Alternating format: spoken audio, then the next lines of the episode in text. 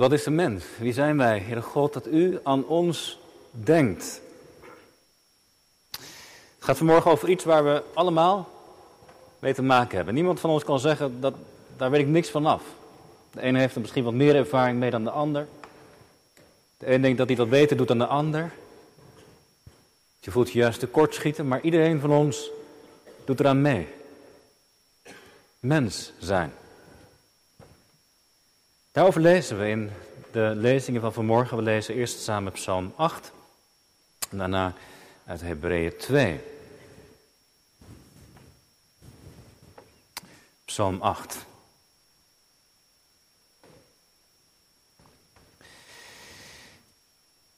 Heere onze Heere, hoe machtig is uw naam op de hele aarde. U die uw majesteit getoond hebt boven de hemel. Uit de mond van kleine kinderen en zuigelingen hebt u een sterk fundament gelegd omwille van uw tegenstanders. Om de vijand en de wraakzuchtig te laten ophouden. Als ik uw hemel zie, het werk van uw vingers, de maan en de sterren die u hun plaats gegeven hebt. Wat is dan de sterveling dat u aan hem denkt? En het mensenkind dat u naar hem omziet? Toch hebt u hem weinig minder gemaakt dan de engelen en hem met eer en glorie gekroond. U doet hem heersen over de werken van uw handen. U hebt alles onder zijn voeten gelegd. Schapen en runderen, die allemaal.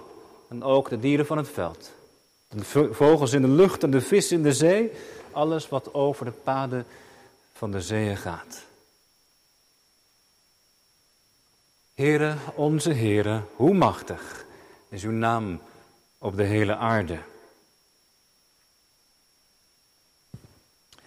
Die psalm, een gedeelte daarvan, komt ook door in Hebreeën 2. We lezen vanaf vers 5 tot hoofdstuk 3, vers 1. In hoofdstuk 1 is te gaan over de Zoon van God, die veel meer is dan de engelen.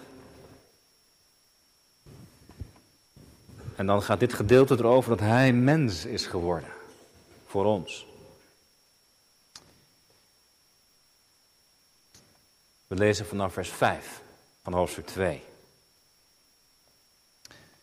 God heeft de komende wereld, de toekomstige wereld waarover wij spreken, niet onderworpen aan de engelen. Maar iemand heeft ergens getuigd, wat is de mens dat u aan hem denkt? Of de mensenzoon dat u naar hem omziet? U hebt hem voor korte tijd minder gemaakt dan de engelen. Met heerlijkheid en eer hebt u hem gekroond. U hebt hem gesteld over de werken van uw handen. Alle dingen hebt u onder zijn voeten onderworpen. Want bij het onderwerpen van alle dingen aan hem, aan de mens, heeft, hij niets, heeft God niets uitgezonden dat hem niet onderworpen is. Nu, zijn wij, nu zien wij echter nog niet dat hem alle dingen onderworpen zijn. Maar wij zien Jezus, met heerlijkheid en eer gekroond, die voor korte tijd minder dan de engelen geworden was, vanwege het lijden van de dood, opdat hij door de genade van God voor allen de dood zou proeven. Want het paste hem, om wie alle dingen zijn, en door wie alle dingen zijn, Jezus, de Zoon van God, door wie alles gemaakt is, dat hij om veel kinderen tot heerlijkheid te brengen, de leidsman, het past hem, God, door wie alle dingen gemaakt zijn, dat hij om veel kinderen tot heerlijkheid te brengen, de leidsman van hun zaligheid, door lijden zou heiligen. Immers, zowel hij die heiligt, als zij die geheiligd worden, zijn allen uiteen. Daarom schaamt hij, en nu spreekt Jezus, zich er niet voor om hen broeders te noemen. Want hij zegt, ik zal uw naam aan mijn broeders en zusters verkondigen. Te midden van de gemeente zal ik u lof zingen. En verder, ik zal mijn vertrouwen op hem stellen. En vervolgens, zie ik en de kinderen die God mij gegeven heeft. Omdat nu die kinderen van vlees en bloed zijn, heeft hij eveneens daaraan deel gehad. Om door de dood hem die de macht over de dood had, dat is de duivel, te niet te doen. En allen te verlossen die door angst voor de dood gedurende heel hun leven aan slavernij onderworpen waren. Want werkelijk, hij neemt engelen niet aan, maar hij neemt het nageslacht van Abraham aan. En daarom moest hij, de Zoon van God Jezus, in alles aan zijn broeders en zusters gelijk worden, omdat hij een barmhartig en een getrouw hoge priester zou zijn in de dingen die God betreffen, om de zonde van het volk te verzoenen. Want waarin hij zelf geleden heeft, toen hij verzocht werd, kan hij hen die verzocht worden te hulp komen. Daarom, heilige broeders en zusters, deelgenoot aan de, aan de hemelse roeping, let op de apostel en hoge priester van onze beleidenis, Christus Jezus. Tot hier lezen wij samen uit het woord van God. Gemeente van onze Heer Jezus Christus hier in Gouda. We zoeken mensen. Mensen gezocht, dat, dat kun je overal tegenkomen. Advertenties, billboards. In het groot, in het klein, voor een klusje op school misschien. Dat je gevraagd wordt voor iets te organiseren. Hè, zoals een gemeentedag is georganiseerd hier, zo moet je op school soms ook dingen organiseren. We zoeken nog mensen die mee willen helpen. Kun jij dat niet doen? Of voor werk. Je bent misschien niet eens op zoek naar een baan, maar toch hoor je, met jou zoeken we. Recruiters zijn er volop mee bezig. Of, dat kan ook, misschien heb je onlangs juist wel gehoord, we zoeken nog even verder. Jou hebben we niet nodig, of jij bent niet meer nodig. En dat kan ook heel pijnlijk zijn. De afgelopen week, Prinsjesdag en de politieke debatten, klinkt die vraag eigenlijk ook door. In, aanloop naar de verkiezingen. Welke kant willen we op met Nederland? En wie hebben we daarvoor nodig? Zeker in onze tijd waarin er zoveel speelt, zoveel op het spel staat, is dat niet zomaar een vraag. Wie kan ons land leiden? Wie hebben we nodig? Mensen gezocht.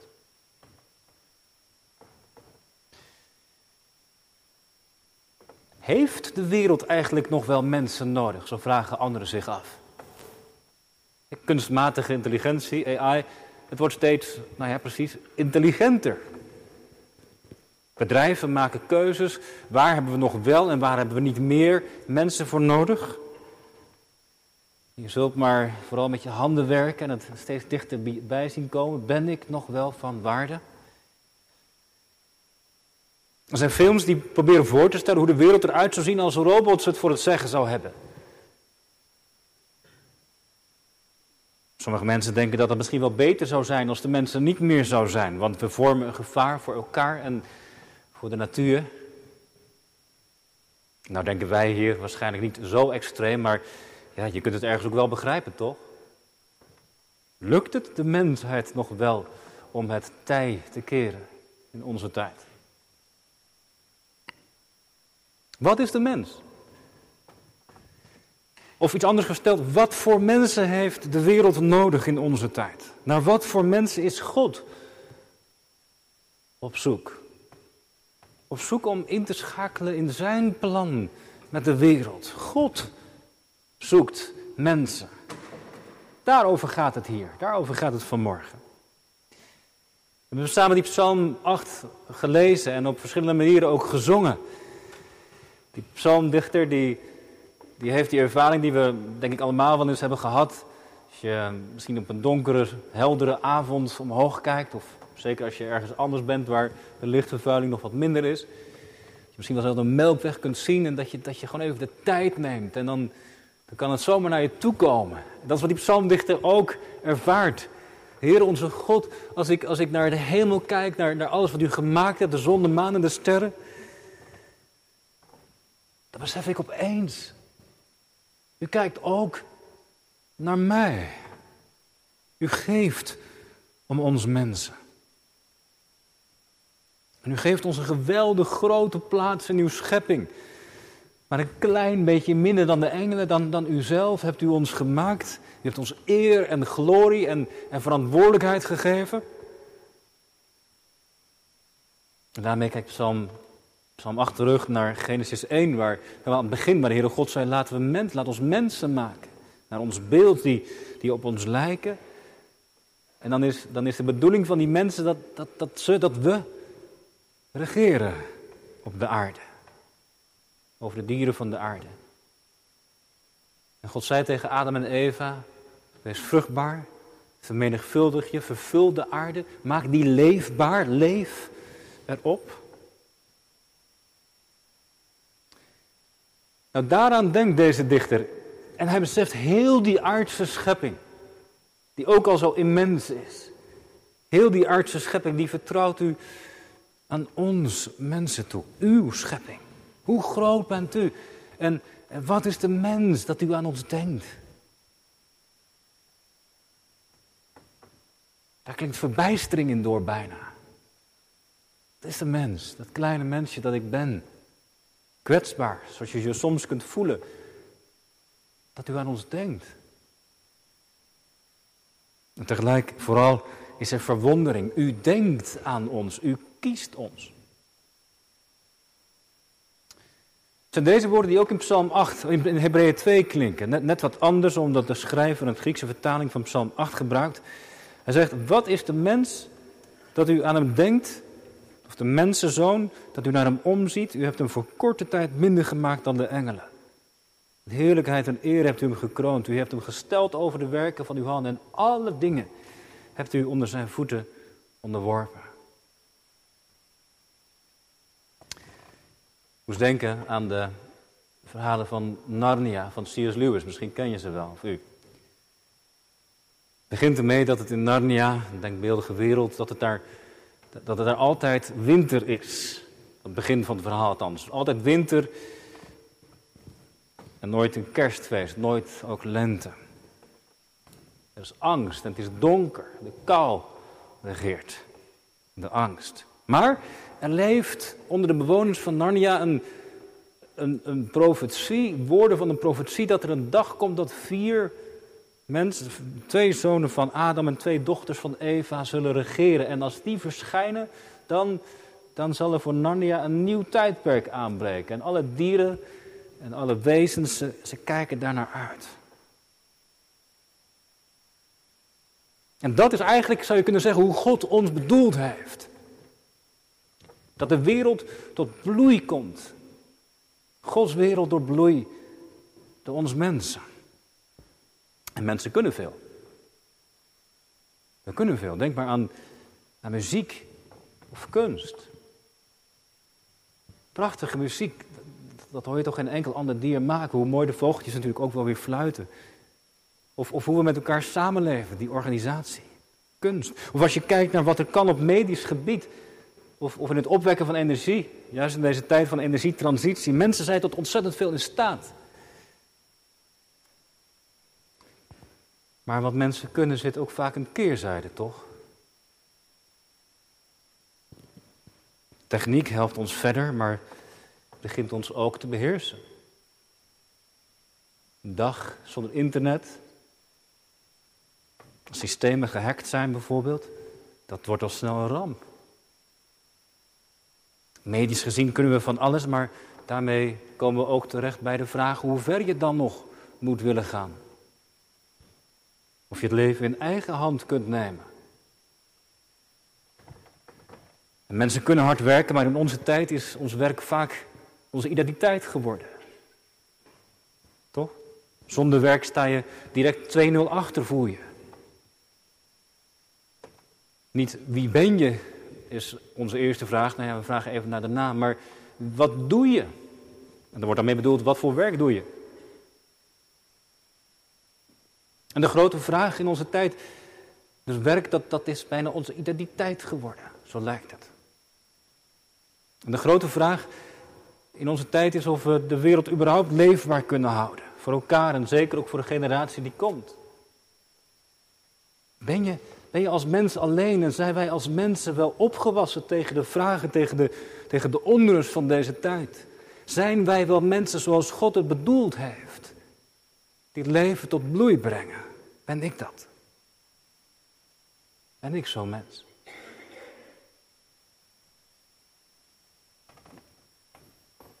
Wij zien het nog niet, dat alle dingen aan hem onderworpen zijn. Zo zegt de schrijver in vers 8. We zien het nog niet.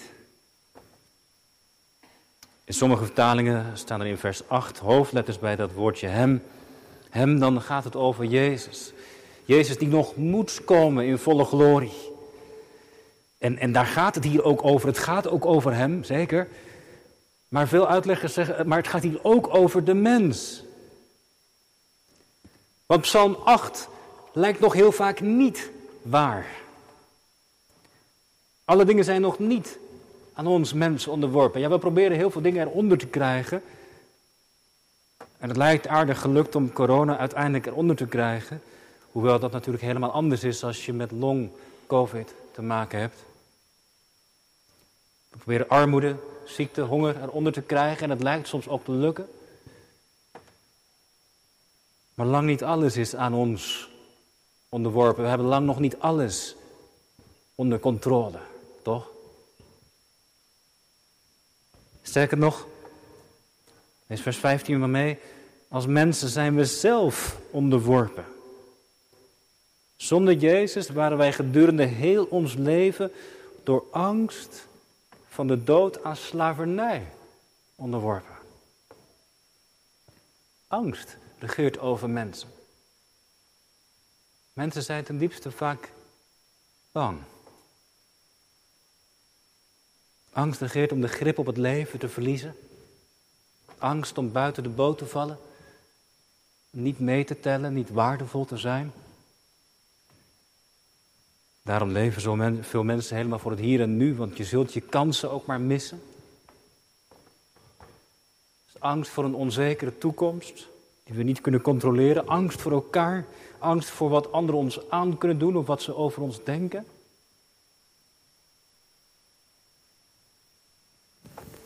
En veel mensen leven in daadwerkelijke angst voor geweld, voor honger, voor de dood. Wat drijft al die mensen die onze kant op komen? Dat is de angst dat ze geen leven meer kunnen mogelijk maken voor hun kinderen, de plek waar ze leven. In onze samenleving, het is misschien even wat minder prominent, maar, maar die discussie over voltooid leven gaat daar ten diepste ook niet angst, afschuw voor de dood achter schuil. Angst voor de pijn, voor de eenzaamheid die het aftakelen met zich mee kan brengen. En, en dat kan soms ook heel aangrijpend zijn. Daar doe ik niets aan af. Daar kun je als een mens tegen opzien, sterven. Misschien moet je er wel tegen opzien, maar, maar daarom hoef je de dood toch niet als een vriend te maken. Of de dood een stapje voor te zijn door te kiezen wanneer die ons leven binnenkomt. Ten diepste gaat het over angst. Want de dood regeert over ons. Het loon van de zonde, de dood. Dat is de mens. Dat is er van de mens geworden. Dat gaat diep. Vind je ook niet?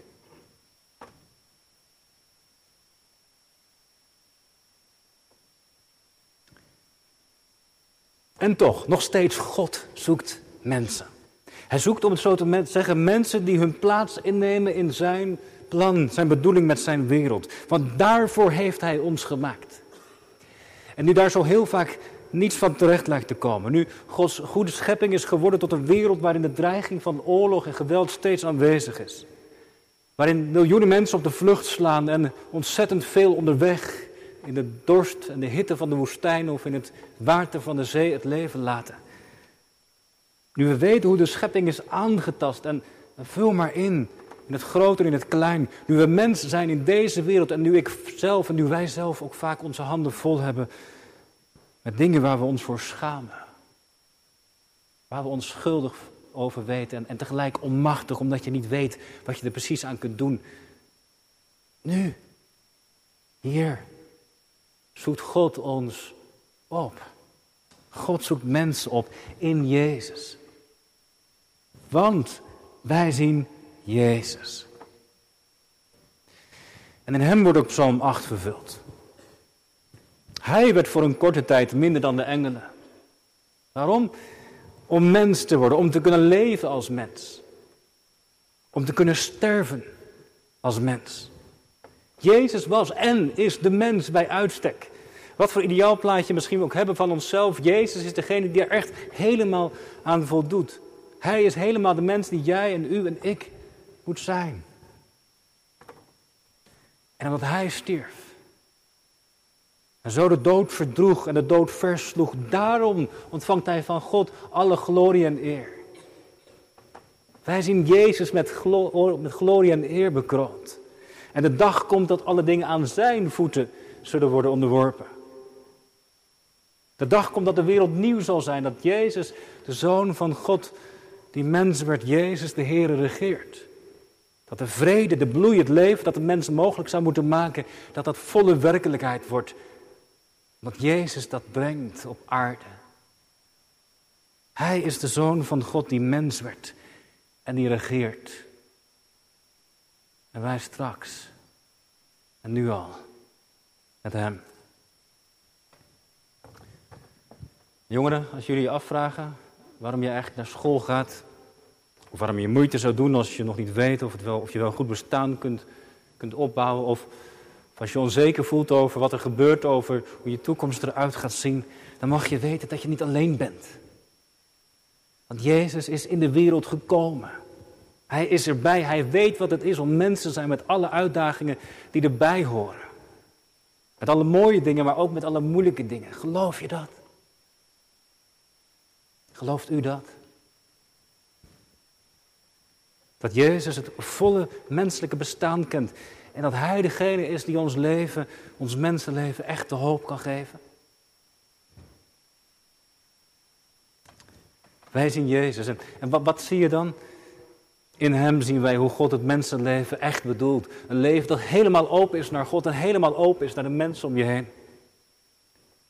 Jezus was en is de mens bij uitstek. En we mogen naar Jezus leven kijken om te zien wat God ook van ons vraagt. Wij zien Jezus ook aan het kruis.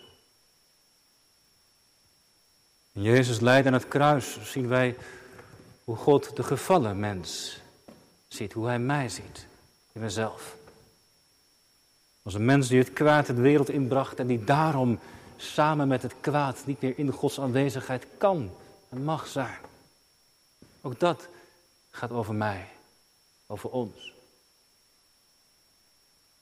Wij zien Jezus en in Jezus zien wij dat Gods liefde het overwint van het kwaad. Dat God trouw is aan mensen, dat Gods genade is voor alle mensen.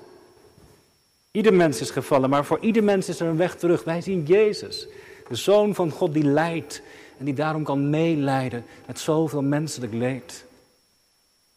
Wat God gevraagd, gemeente, lieve broers en zussen, wat God van ons vraagt is dat wij kijken naar Jezus. Te erkennen dat Hij voor jou deed, voor u deed, wat je zelf niet kon, namelijk ten volle leven voor God.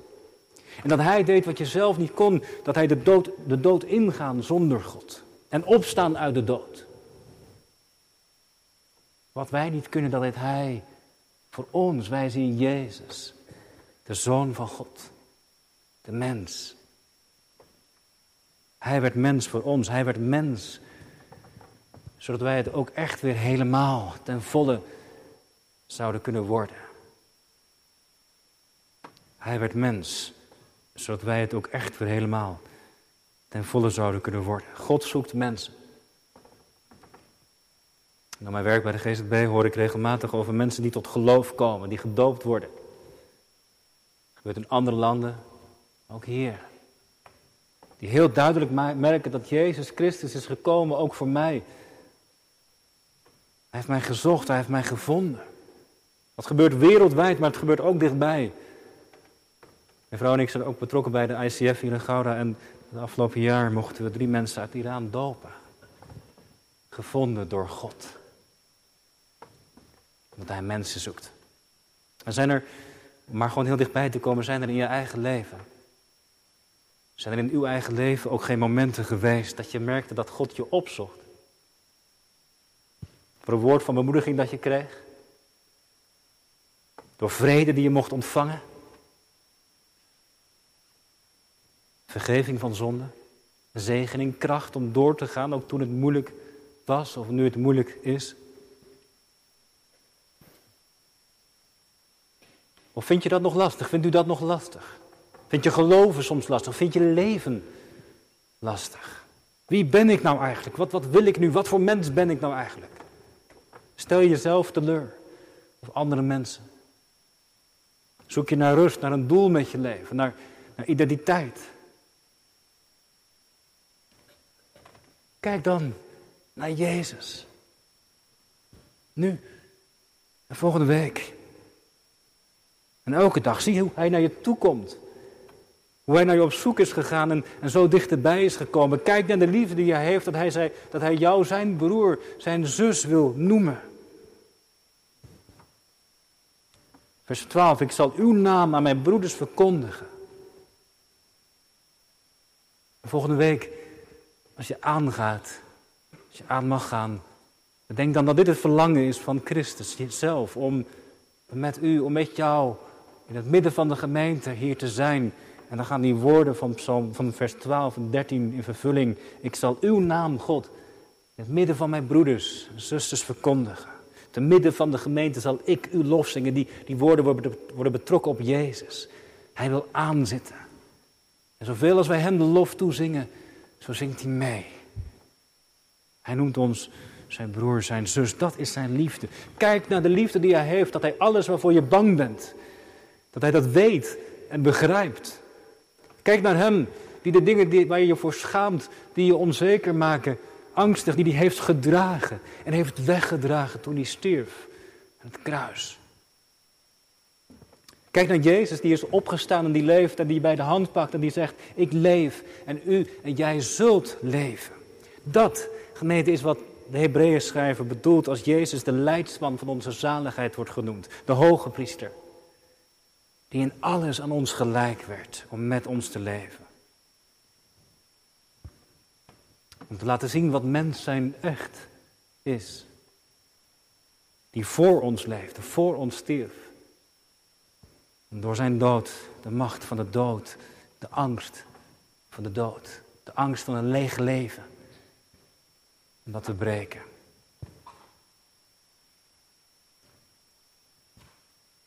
God zoekt mensen, ook nu. Hij zoekt mensen op en hij komt dichtbij in Jezus. Emmanuel, God met ons. Zo dichtbij dat je het nu mag horen. Zo dichtbij dat je het volgende week mag zien, mag voelen, mag proeven. En door zijn geest heeft hij iedere dag met ons. Komt hij ieder moment heel nabij. God zoekt mensen, God zoekt jou. En u, ons, als je de weg kwijt bent. Maar God zoekt ook mensen om voor Hem te leven. Jezus Christus is gekomen om ons te verlossen. Om ons te verlossen van een leeg leven dat dood lijkt te lopen. Om ons te verlossen uit dat leven en ons het leven te geven dat helemaal open is naar de toekomst. Naar God, naar de mensen om ons heen. Hij maakt ons nieuwe mensen. Mensen die voldoen aan zijn profiel, om het zo te zeggen. Mensen die lijken op de mens bij uitstek, Jezus Christus. Als iemand in Jezus is, als je in Hem gelooft, dan ben je een nieuwe schepping. Een nieuwe mens.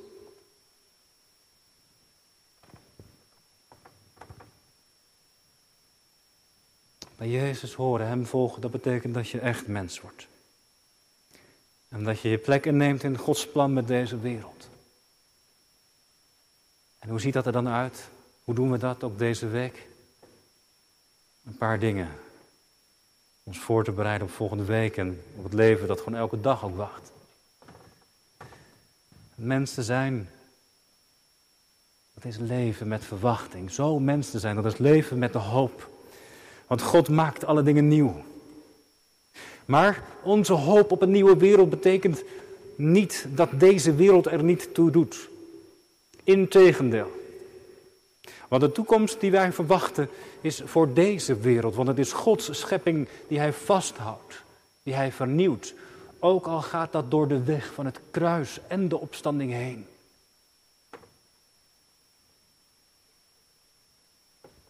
Lijkt het soms alsof alle dingen die je wilt doen, dat, dat ze nergens aan bijdragen. Maar, maar God houdt vast aan deze wereld en daarom hij gebruikt ons, ons en onze inzet om zijn koninkrijk te bouwen.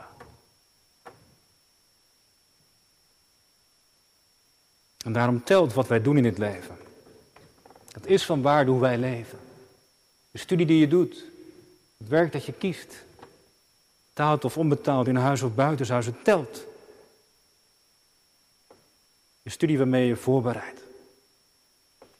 Want je mag je kennis delen met de mensen om je heen. En als we kijken, vooruitkijken naar de nieuwe schepping, dan beseffen we ook dat we geroepen worden om hier en nu al zo te leven. Om recht te doen. Om zorg te dragen voor de schepping, maar ook recht te doen.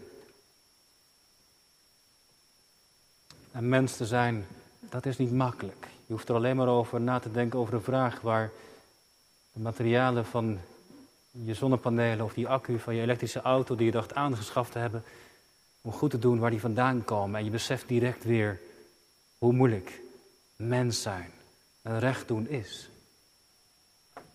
Maar je wordt ertoe geroepen om zo vooruit te kijken en tegelijk dan zo op aarde te leven. Als mensen die gebruikt worden om, om te getuigen van, van Gods nieuwe schepping.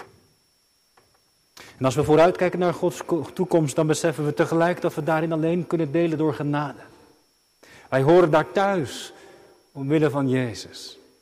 Mens zijn, dat betekent leven van genade. Beseffen dat je niet zelf het project van je eigen leven kunt dragen. Beseffen dat we als mensheid niet het project van het voortbestaan van onze schepping zelf kunnen dragen. Nee, Jezus heeft dat gedaan.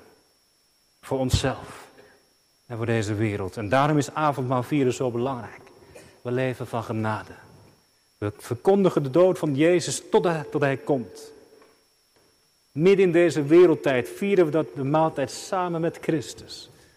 Zoals het straks zal zijn. En als je worstelt, tot slot. Als je worstelt met je mensenleven. Met je leven in navolging van Jezus. Je worstelt met mens zijn. Blijf dan volgende week niet weg. Blijf nu ook niet weg bij Jezus. Ook volgende week niet. Maar neem dat mensenleven van je mee. Met alles wat erop is en erin. Neem het mee. En leg het neer. Daar op het altaar. Daar bij Jezus. En neem zijn leven, dat hij je aanreikt.